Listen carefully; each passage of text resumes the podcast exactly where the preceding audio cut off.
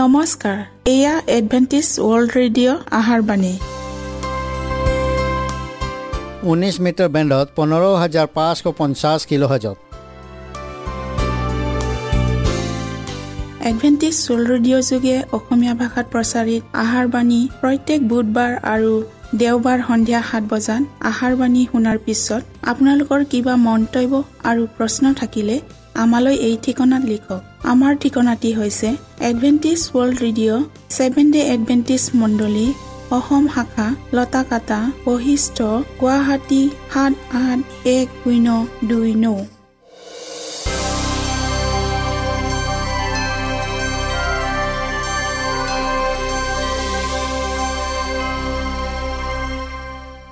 প্ৰিয় শ্ৰোতা বন্ধুসকল এতিয়া শুনো আহক এটি খ্ৰীষ্টীয় ধৰ্মীয় গীত।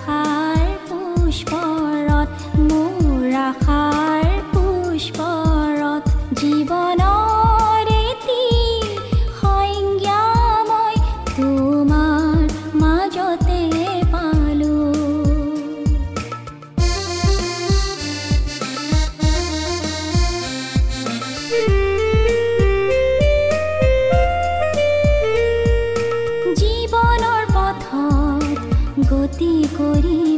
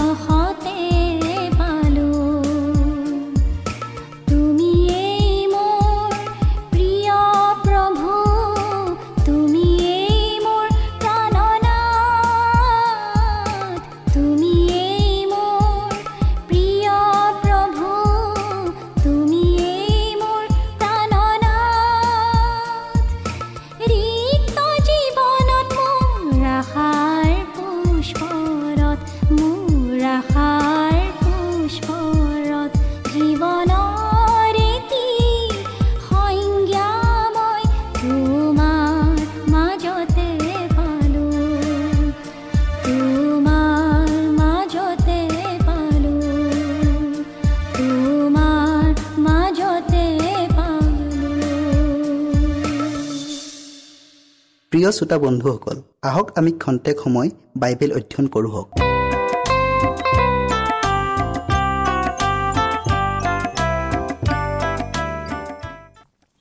প্ৰিয় শ্ৰোতাসকল নমস্কাৰ।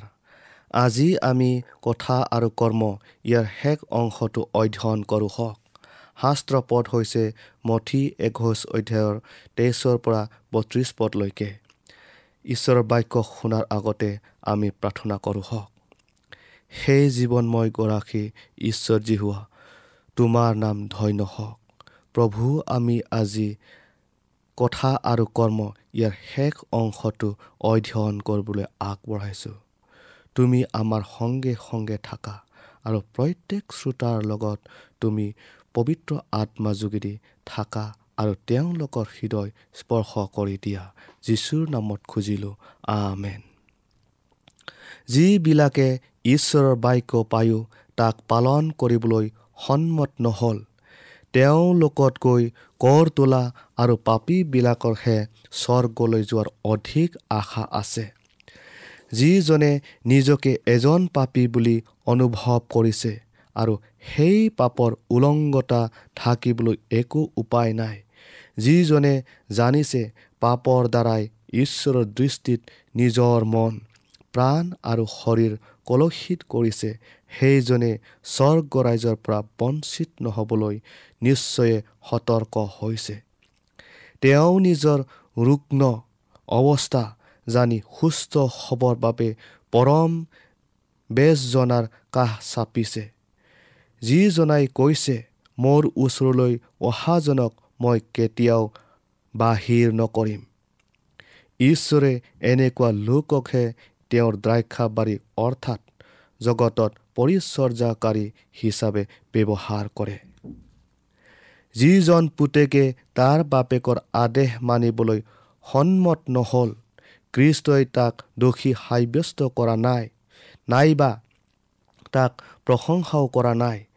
যি শ্ৰেণীৰ মানুহবিলাকে প্ৰথম পুতেকৰ দৰে বাধ্যতা হ'বলৈ সন্মত নহয় এনে পৰিস্থিতিত থকা লোকবিলাক মান প্ৰশংসা পোৱাৰ উপযুক্ত নহয়। তেওঁলোকৰ উদাৰতাক সৎগুণ বুলি গণ্য কৰিব নোৱাৰি। সত্য আৰু পবিত্ৰতাৰে সূচী হোৱা মানুহবিলাকেহে কৃষ্টৰ হকে হাঁহেৰে সাক্ষ্য দিব পাৰে। কিন্তু অপৰাধী লোকে কৰা কাৰ্য অপমানজনক আৰু প্ৰত্যাহ্বান জনোৱাৰ দৰে ঈশ্বৰ নিন্দাসূচক সদৃশ্য হয়। দৰাচলতে ব্যক্তিজনে কপট মনৰ নহ'ব পাৰে। ইয়াৰ দ্বাৰাই তেওঁ যে প্ৰকৃততে পাপী নহয় ইয়াক নুবুজায়। যেতিয়া আমাৰ হৃদয়লৈ পবিত্ৰ আত্মাৰ আহ্বান আহে পলম নকৰা হৈ আহ্বানৰ প্ৰতি সঁহাৰি জনোৱাতেও আমাৰ কাৰণে একমাত্ৰ নিৰাপদ উপায়। তুমি আজি দ্ৰাক্ষাবাৰীত কাম কৰিবলৈ যোৱা। যেতিয়াই এই আদেশ হয় এই আদেশ প্ৰত্যাখ্যান নকৰিব। আজি যদি তোমালোকে ঈশ্বৰৰ মাত শুনিবলৈ পোৱা তেন্তে তোমালোকৰ হৃদয় কঠিন নকৰিবা। ইব্ৰী চাৰি অধ্যায়ৰ সাত পদত। ঈশ্বৰৰ আজ্ঞাৰ বাধ্যতা হ'বলৈ পলম কৰাটো বিপদজনক কাৰণ এই নিমন্ত্ৰণ আপুনি পুনৰাই নেপাবও পাৰে। প্ৰিয় শ্ৰোতাসকল অলপ সময়ৰ বাবে মনত পাপ পোষণ কৰি সেইজনে ইয়াক আঁতৰ কৰিব পাৰিম বুলি কোনেও মিছাত ভুল নাযাওঁ হওক। আচলতে এয়া ভুল ধাৰণা। আমি ধাৰণ কৰা প্ৰত্যেকটো পাপেই আমাৰ নৈতিক চৰিত্ৰ দুৰ্বল কৰি কুকৰ্মলৈ অভ্যাস সৰল কৰি তোলে। আৰু ইয়াৰ পৰিণাম স্বৰূপে মানসিক আত্মিক আৰু শাৰীৰিকত নৈতিক পঠন ঘটায়। আপুনি অপৰাধ কৰ্মৰ নিমিত্তে খেদ কৰি সৎ পথলৈ উভতি আহিলেও পাপৰ প্ৰতি আপোনাৰ মনত যি সাজ বহিলে আৰু ইয়াৰে সৈতে যি ঘনিষ্ঠতা স্থাপন হ'ল যেতিয়া ভাল আৰু বেয়াৰ মাজৰ পাৰ্থক্য নিৰ্ণয় কৰাত কঠিন হ'ল কুকৰ্মত আসক্ত হোৱা স্বভাৱ গঢ়ি উঠিলে। তাৰ যোগেদি ছয়তানে আপোনাক বাৰে বাৰে আক্ৰমণ কৰিয়েই থাকিব। তুমি আজি দ্ৰাক্ষাবাৰীত কাম কৰিবলৈ যোৱা। এই আদেশৰ দ্বাৰাই প্ৰত্যেকজন লোকৰ বিশ্বস্ততাৰ পৰীক্ষা কৰা হ'ব। সেয়া কৰ্মৰে হওক বা কথাৰে হওক দ্ৰাক্ষাবাৰীৰ গৰাকীৰ প্ৰতি বিশ্বস্ত আৰু নিস্বাৰ্থৰূপে কৰা কৰ্মই তাক প্ৰকাশ কৰিব। আমি আঁচনিমতে কাৰ্যত কেনেকৈ অগ্ৰসৰ হ'ব পাৰোঁ পাচনি পিতৰে আমাক নিৰ্দেশ দি কৈছে। ঈশ্বৰ আমাৰ প্ৰভু যীশুৰ তত্ত্ব জ্ঞানৰ যোগেদি তোমালোকৰ ওপৰত অনুগ্ৰহ আৰু শান্তি বাহুল্যৰূপে থাকক যিজনাই আমাক তেওঁৰ নিজৰ গৌৰৱ আৰু ধাৰ্মিকতাৰ সহভাগী কৰিবৰ অৰ্থে তেওঁৰ তত্ত্ব জ্ঞানৰ দ্বাৰাই তেওঁৰ ঐশ্বৰিক শক্তিয়ে প্ৰকৃত ধাৰ্মিক জীৱন যাপন কৰিবলৈ আমাক প্ৰয়োজনীয় সকলোকে দান কৰিলে। আৰু সেইবোৰৰ দ্বাৰাই তেওঁ আমাক প্ৰতিজ্ঞা কৰা বহুমূলীয়া আৰু অতি মহৎ বৰবোৰ দান কৰিলে যাতে সেইবোৰ দানৰ দ্বাৰাই তোমালোক সংসাৰ ব্যাপী অভিলাষমূলক ক্ষয়ৰ পৰা হাত সাৰি ঐশ্বৰিক স্বভাৱৰ সহভাগী হোৱা। এইকাৰণে তোমালোকে নিজেও সম্পূৰ্ণ যত্ন কৰি বিশ্বাসত সাধুতা সাধুতাত জ্ঞান জ্ঞানত ইন্দ্ৰিয় দমন ইন্দ্ৰিয় দমনত ধৈৰ্য ধৈৰ্যত ধাৰ্মিকতা ধাৰ্মিকতাত ভ্ৰাতৃস্নেহ আৰু ভ্ৰাতৃস্নেহ প্ৰেম যোগোৱা দ্বিতীয় পিতৰ এক অধ্যায়ৰ দুই পদৰ পৰা সাত পদলৈকে। প্ৰিয় শ্ৰোতাসকল যদি আপুনি বিশ্বাসী ৰূপে আপোনাৰ হৃদয় দ্ৰাক্ষাবাৰী চহ কৰে বা উৰ্বৰা কৰি তোলে। তেতিয়াহ'লে ঈশ্বৰে আপোনাক তেওঁৰ সহকৰ্মী ৰূপে গ্ৰহণ কৰিব। আৰু তেতিয়াৰ পৰাই আপুনি কেৱল নিজৰ কাৰণে নহয় কিন্তু আনৰ স্বাৰ্থৰ কাৰণেও কৰ্মমুখৰ হ'ব লাগিব। মণ্ডলিক দ্ৰাক্ষাবাৰীৰ সৈতে তুলনাৰে দেখুৱাই কৃষ্টই শিকোৱা নাই যে আমাৰ দয়া মমতাৰ কাৰ্য নিজৰ একে ঠাইতে আবদ্ধ কৰি ৰাখিব লাগে। কিন্তু প্ৰভুৰ ইচ্ছা তেওঁৰ দ্ৰাক্ষাবাৰী সমুদায় জগতত বিস্তৃত আকাৰত বৃদ্ধি পাব লাগে। আমি ঈশ্বৰৰ অনুগ্ৰহ আৰু নিৰ্দেশ অনুযায়ী অতি মূল্যৱান গছপুলি অৰ্থাৎ লোকবিলাকৰ কেনেকৈ প্ৰতিপালন কৰিব লাগে তাৰ বাবে আনকো সুদক্ষ কৰিব লাগে।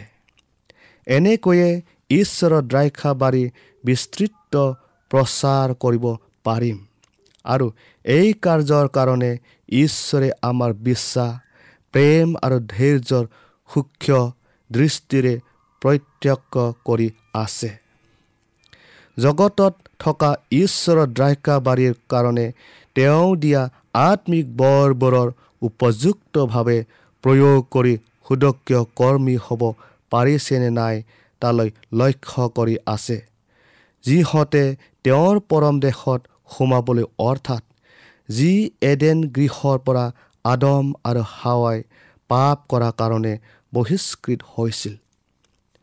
ঈশ্বৰে তেওঁৰ লোকবিলাকৰ পিতৃৰ সম্বন্ধৰে আমাৰ পৰা বিশ্বস্ত পৰিচৰ্যাৰ দাবী কৰা অধিকাৰ আছে। তেওঁ আটাই মনুষ্য জাতিৰ মূৰ স্বৰূপ হৈও তেওঁ ঈশ্বৰৰ সেৱাত ব্ৰতী আছিল। প্ৰত্যেকজন সন্তানে স্বৰ্গীয় পিতৃৰ প্ৰতি কেনে আচৰণ কৰা উচিত তাৰ কাৰণে কৃষ্টই আমাৰ আদৰ্শ। কৃষ্টই ঈশ্বৰৰ প্ৰতি নিস্বাৰ্থ বাধ্যতাৰ যি মহান ত্যাগ কৰিলে ঠিক তেনেকৈ তেওঁ আজি প্ৰত্যেক মানৱ জাতিয়ে তেনেই হোৱাটো বাঞ্ছা কৰে। তেওঁ তেওঁৰ পিতৃৰ ইচ্ছাপূৰ্বক আৰু মুক্তভাৱে প্ৰেমেৰে সৈতে আজ্ঞাধীন হৈছিল। হে মোৰ ঈশ্বৰ তোমাৰ ইচ্ছা পূৰ কৰিবলৈহে মই ভাল পাওঁ।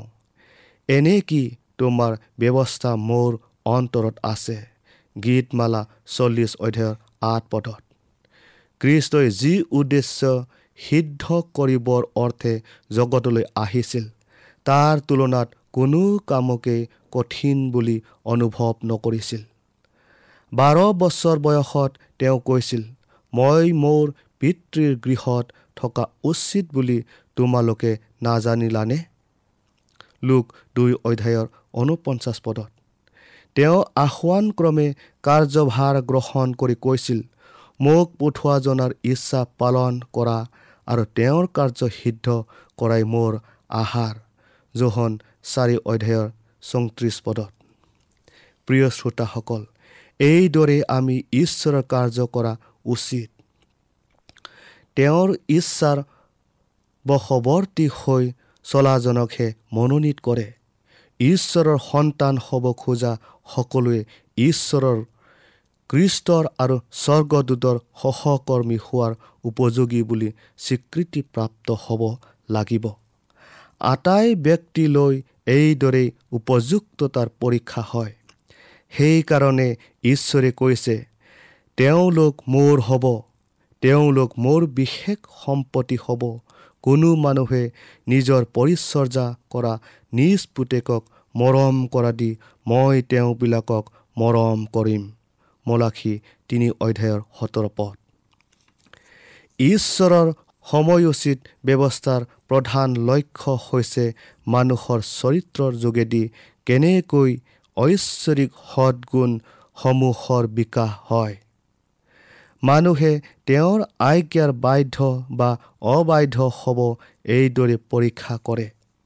সৎ কৰ্মৰ দ্বাৰাই ঈশ্বৰৰ প্ৰেম ক্ৰয় কৰিব নোৱাৰে। কিন্তু আমাৰ থকা ঈশ্বৰীয় প্ৰেমক সৎ কৰ্মই প্ৰকাশ কৰে। যদি আমি ঈশ্বৰৰ ইচ্ছাত সমৰ্পণ কৰোঁ স্বতঃস্ফূৰ্তভাৱে স্বৰ্গীয় প্ৰেম প্ৰকাশ পাব। তেওঁৰ বিনামূলীয়া উপহাৰ প্ৰেম যেতিয়া হৃদয়ত গ্ৰহণ কৰা হয় আৰু এই প্ৰেমেৰে আমি তেওঁৰ আজ্ঞা পালন কৰি আনন্দিত হ'ম। প্ৰিয় শ্ৰোতাসকল আজিৰ জগতত কেৱল দুই শ্ৰেণীৰ লোক আছে আৰু এই দুই শ্ৰেণীৰ লোকেহে ঈশ্বৰৰ সুদ বিচাৰৰ আসনৰ আগত থিয় হ'বৰ অধিকাৰ পাব। ঈশ্বৰৰ আজ্ঞা উলংঘনকাৰী দল আৰু ঈশ্বৰৰ আজ্ঞাৰ বাধ্যতা হোৱাৰ দল। আমি কৃষ্টৰ আজ্ঞা পালনকাৰী হওঁনে নহওঁ তাক প্ৰমাণ কৰিবলৈ তেওঁ আমাক পৰীক্ষা কৰে। তেওঁ কৈছে তোমালোকে যদি মোক প্ৰেম কৰা তেন্তে মোৰ আজ্ঞাবোৰ পালন কৰিবা। যিজনে মোৰ আজ্ঞাবোৰ গ্ৰহণ কৰি মানি চলে তেওঁৱে মোক প্ৰেম কৰে। যিজনে মোক প্ৰেম কৰে মোৰ পিতৃয়ে তেওঁক প্ৰেম কৰিব আৰু ময়ো তেওঁক প্ৰেম কৰি তেওঁৰ আগত নিজকে প্ৰকাশ কৰিম।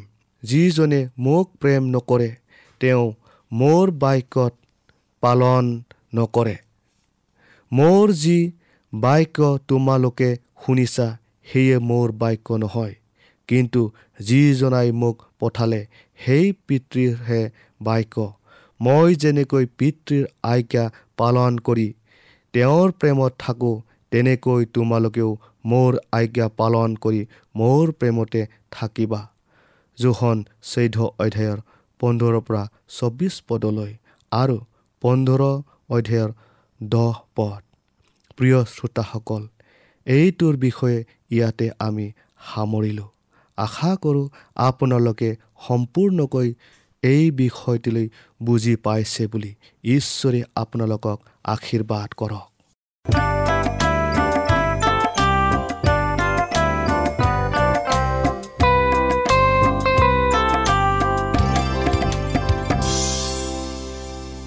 ইমানপৰে আমি বাইবেল অধ্যয়ন কৰিলোঁ। এতিয়া আকৌ শুনো আহক এটি খ্ৰীষ্টীয় ধৰ্মীয় গীত।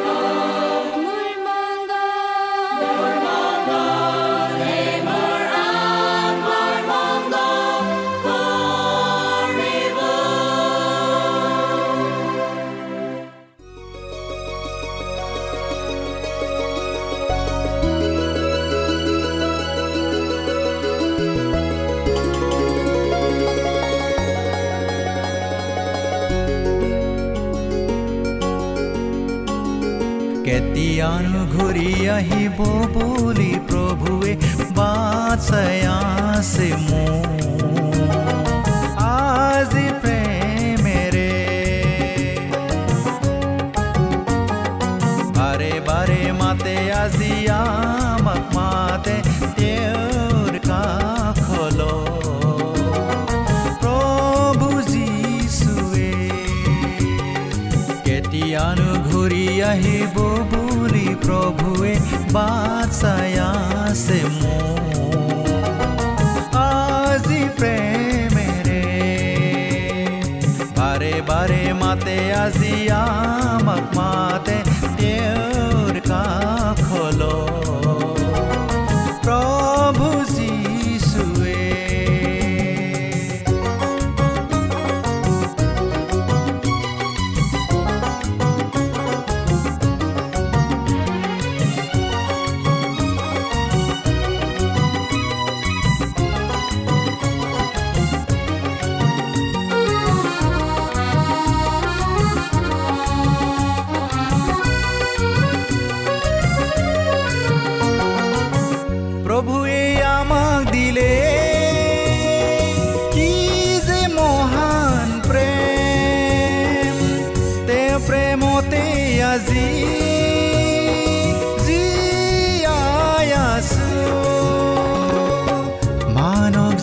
বাবে আমাৰ পাপৰ বাবে ত্যাগিলে প্ৰভুৱে সৰাগৰ সিংহা মানৱ জাতিৰ বাবে আমাৰ পাপৰ বাবে ত্যাগিলে প্ৰভুৱে সৰাগৰ সিংহা কেতিয়ানো ঘূৰি আহিব বুলি প্ৰভুৱে বাট চাই আছে মোৰ।